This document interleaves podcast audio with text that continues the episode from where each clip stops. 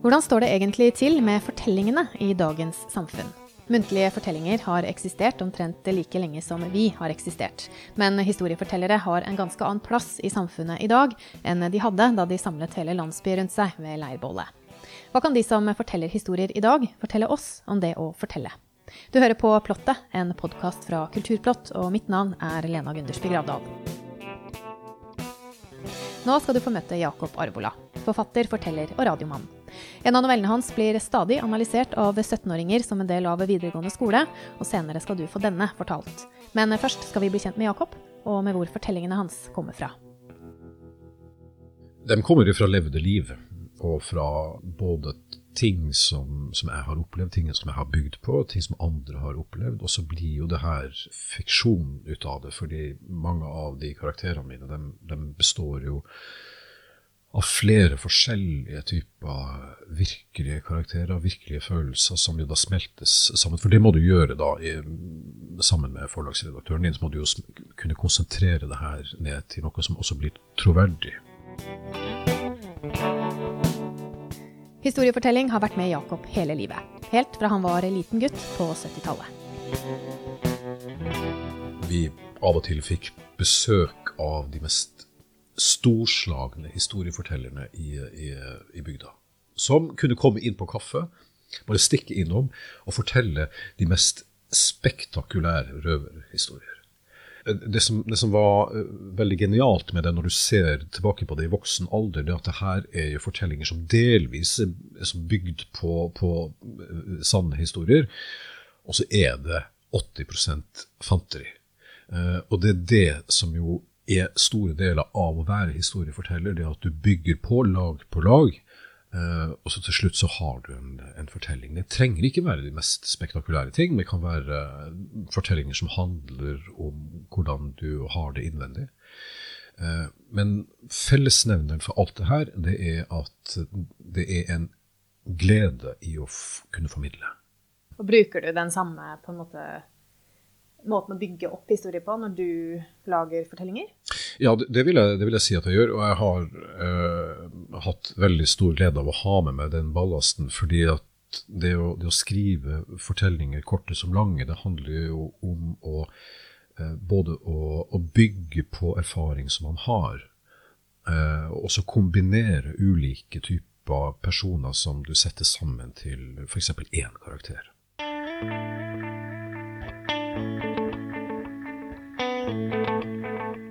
Går det an å si noe om hvorfor du forteller? Da da vil jeg igjen tilbake til, til de historiefortellerne som, som, som, jeg fortalte om i starten, de som planter fantasier i hodene på ikke minst barn. Eh, får barn til å se ting på en, eh, på en annen måte. Finne veier inn i, i fantasi. Eh, og eh, også det med å skape gjenkjennelse. Og det å, å kanskje eh, være veldig bevisst hva du, hva du tenker om f.eks. om det du har opplevd. Det er jo den alvorlige biten ut av det. Mm. Eh, det, å, det å tenke gjennom eh, hva, hva kunne jeg ha lært av, av det jeg var, var med på. Mm. For eksempel. Det, det, det, er noen av eksemplene på det. Mm. Men når du tenker på hva du kunne ha lært, da har du jo på en måte lært det. Hvis du klarer å se se Eller tenker du hva du kunne gjort annerledes i en viss situasjon? Ja, jeg tror kanskje det du sier med annerledes, er vel, er vel mer presist. Hva, hva, kan du ha uh, Hva kunne du ha, ha, gjort annerledes for at ting skulle gå annerledes? Ikke sant? Det er jo det, det, er jo det klassiske, blant annet som handler om kjærlighet. Novellen som Jakob snart skal fortelle, ble i 2016 gitt som eksamensoppgave for tredje klasse på videregående. Og siden da har fortellingen fortsatt å dukke opp i skolen. Mange elever har også tatt kontakt med Jakob for å få vite hva han egentlig mener med det han skriver. Altså det, det, var, det, var en, det, var, en, helt spektakulær reise i ungdommens nysgjerrighet, og det er det fortsatt. og der, eh, der jeg da tidvis blir sittende og svare på spørsmål. Liksom, hvor, men fortell nå, hva, hvor, ligger, hvor, hvor, ligger, symbolikken din? Hva er det med det eplet? Hva er det, hva er det med, med, Hva er det han egentlig gjør på den benken? ikke sant? Det, det, det, er en helt nydelig reise å være med på. Har, du, har de sett noe eller oppdaga noe i teksten som du ikke selv har sett? Å ja, ja, å, ja, å, ja da, det har de. det, det, og det, mye av det som er det kule, er at, at uh, jeg har mange ganger blitt sittende og sagt Jøss, er det det jeg har skrevet? og, så, og, og, så, og, så, har de da opp, oppdaga lag som ikke jeg har tenkt på. Har du da gått tilbake og lest på nytt og sett? Ja. Har, ser du det da? Ja, det ser, ja, da ser jeg det. Ja, ja, jeg klart jeg gjør det. Uh, husk, på, husk på, det her er, er 16-17-18-åringer som, um, som, virkelig har, uh, har, bestemt seg for å, for for å forstå uh, ting og sammenhenger. og skru ting kanskje sammen på en annen måte enn, enn jeg som godt voksen gjør. Ja. Hvordan, hvordan, er det da, når de ser noe som du ikke selv har sett, og så ser du det etterpå? Går det an å forklare litt hva, hva det er du har sett, f.eks.? Ja, jeg har, jo, jeg har jo, sett mye av, altså mye av den symbolbruken som jeg, som jeg, har i flere av fortellingene. Det, det har dem sett uten at uh, faktisk at verken jeg eller redaktøren min har, har sett det. En god del av av jobben med, med, å skrive, det handler jo om å være bevisst symbolbruk. Det handler jo om å, om å plante ting inn i en, i en fortelling som, som, gjør at ok, det her går igjen kanskje flere ganger, og det er jo det som er med den første boka mi. Her er det jo ting som går igjen. Den heter jo 'Det går ikke over'. Og grunnrisset, eh, hele paraplyen over, over den boka, det, det, er jo at det går ikke over bare fordi vi ikke snakker om det.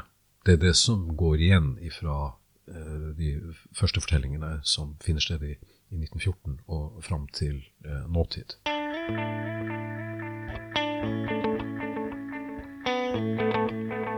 Når du skriver historier, da, det, har du en sånn klar tanke for hva du ønsker at de som leser det, eller hører det, da, for du leser jo inn også, mm. eh, skal ta med seg? Eller er det mer sånn at du håper at de finner ut av det selv? Det er, mm, det er veldig mye av, av det siste. Uh, og det handler jo også om ikke å gi alt. ikke sant? Det, å, det å ikke gi alt med teskje, men å, å, å, skape en gjenkjennelse som gjør at du kan uh, at du kan kanskje hente, ikke bare kanskje, men at du kan hente det inn i, inn i ditt eget liv. Uh, og bruke det til noe der. Går det an å si noe om noe mer om på en måte skriveprosessen? Ser du alltid for deg en karakter først, eller kan du se for deg en historie og så finne en karakter som Det er nok veldig mye av det siste. Det å, det å se for seg en handling uh, Jeg har jo en, en, ganske lang historie som kanskje blir en roman etter hvert i hodet. Jeg ser jo hva det skal ende med, men jeg, jeg ser ikke hvem jeg skal befolke inn i, i den fortellinga. Så veldig mye ofte, ja. Det med å, det å, å se for seg en, hva skal skje. Hva er det egentlig som, som skal skje? Det her er jo, den, det er jo dramaturgimodellen. ikke sant? Det er jo, det er jo å vite at det skal jo ende med et eller annet.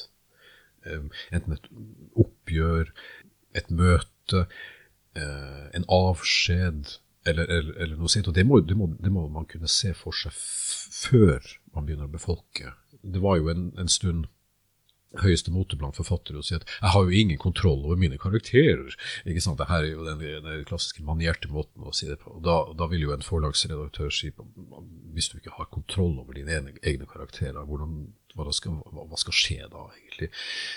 Jo, jeg bruker mine karakterer veldig kynisk og bevisst inn i fortellingen. Jeg vet nøyaktig hva de skal til enhver tid.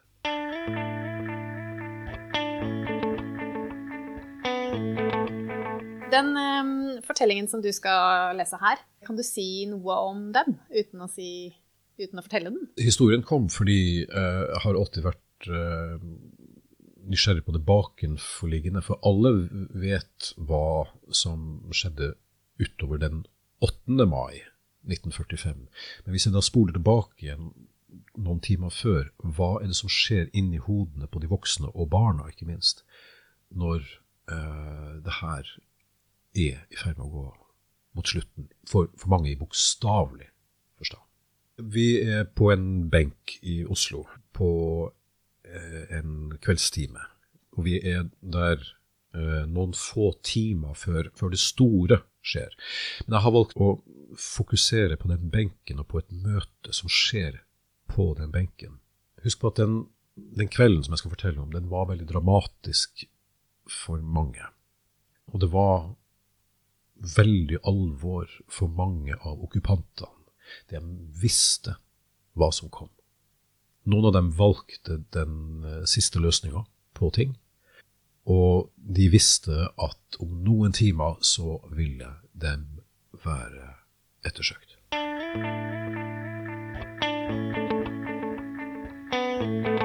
Og her får du novellen 'Hvis det er sant' fra boka 'Det går ikke over', skrevet og fortalt av Jakob Arvola.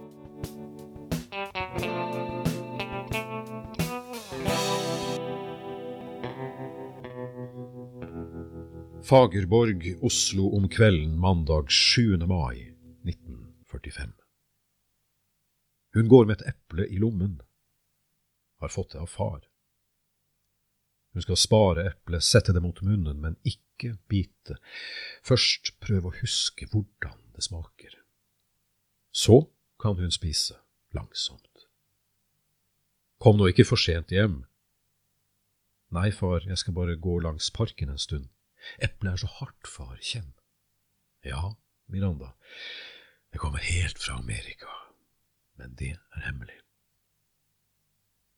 Det sitter en mann i uniform på benken nede ved grusgangen. Han er en av dem, det vet hun. Han hører til dem man ikke skal snakke med hvis ikke de snakker først.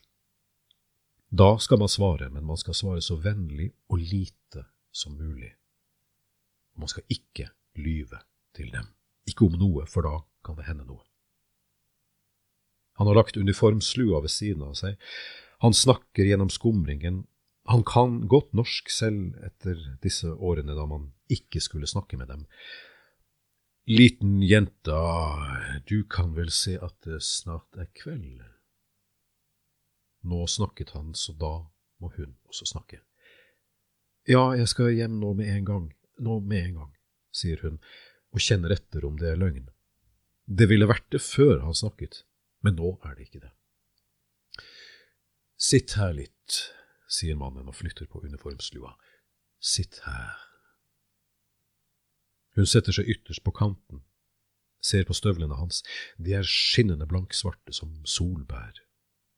Far har sagt at kanskje til høsten skal de til Lier for å plukke solbær. Helt til Lier, det er langt. Jeg kan se at du er, eh, hva heter det på norsk, eh, litt glad i kveld. Ja, jeg er litt glad. Jeg har fått et eple, svarer hun, men angrer seg, for han kan komme til å spørre hvor hun har fått eplet fra. Og da kan hun ikke si det, hun kan verken si det eller lyve, men han bare smiler. Det er meget godt å høre. Han er så rar i øynene, men han er ikke full, det vet hun, for han lukter ikke slik. Han lukter som far av og til gjør når han har pyntet seg, og hun kan slett ikke for det hun sier. Hun kikker på medaljene hans og de blankpussede støvlene og sier, Har du pyntet deg? Ja visst, jeg har pyntet meg. Det er fint norsk ord, svarer han. Hvorfor har du pyntet deg, spør hun. Fordi det snart er fred. Du ser fin ut, du også. Takk, svarer hun og har brått lyst til å sitte litt til. Men så ser hun at han flytter den venstre hånden, retter på frakken, og det er en pistol der. Han skyver den fort under hoften igjen, men hun har sett den, og hun blir så redd at det ikke er til å holde ut, men far har sagt at man ikke skal løpe. Da kan det hende noe. Man skal bare være helt stille til det går over, men hun kan ikke noe for at hun sier det. Å nei, du må ikke, da får jeg ikke plukket solbær. Han ser på henne. Så inderlig ser han på henne og rister på hodet. Han er veldig alvorlig, har forstått hva hun har sett, løfter blikket og ser utover bakkene. Nei, ikke skal jeg… Jeg skulle ikke gjøre noe til deg. Du skal ikke være redd, sier han, og må lete etter de norske ordene mens han snakker. Slike som ham snakker ikke sant, far har sagt det, men man skal ikke løpe. Hun kjenner seg svimmel, men så tenker hun på det han sa, og hun setter seg helt ytterst på benken og spør, for hun håper så veldig at det er sant, blir det virkelig fred? Øynene hans er blanke, snart er det mørkt, hun må hjem Han snur hodet mot henne, ser rett på henne. Han er ikke trist, men han er ikke glad heller. Hun vet bare ikke hva det er. Ja, i morgen blir det fred. Da går det over. Vet du det helt sikkert? Ja, det vet jeg helt sikkert. Churchill kommer til å si det i morgen, og du er den første jeg sier det til. Lille jenta, du må løpe hjem. Du kan si til alle du kjenner at det er fred i morgen. Synd deg å fortelle det, sier han og stryker henne fort langs hårfestet i nakken. Hun kjenner så rart det enn er, at hun ikke er spor redd mer. Hun har sett dem med sinte øyne der de har gått fram og tilbake i pilestredet med blankpussede støvler mange ganger, men han er ikke sint, det er noe annet. Og inni henne er det noe som har blitt litt bedre. Hun reiser seg og nikker bare. Eplet ligger der i lommen og venter, og nå vet hun nesten helt sikkert at de skal til Lier når det blir høst. Hun småløper ned stien, stanser før bakketoppen og ser seg tilbake.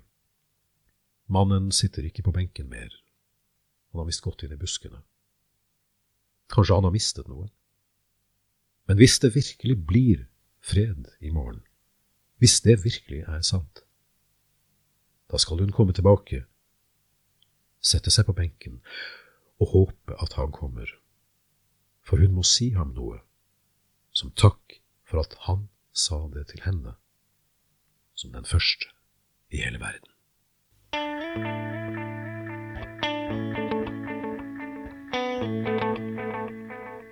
Plottet lages av teknisk ansvarlig Bård Andersson og meg, Lena Gundersby Gravdal. Ansvarlig redaktør for Kulturplott er Magne Lerøe.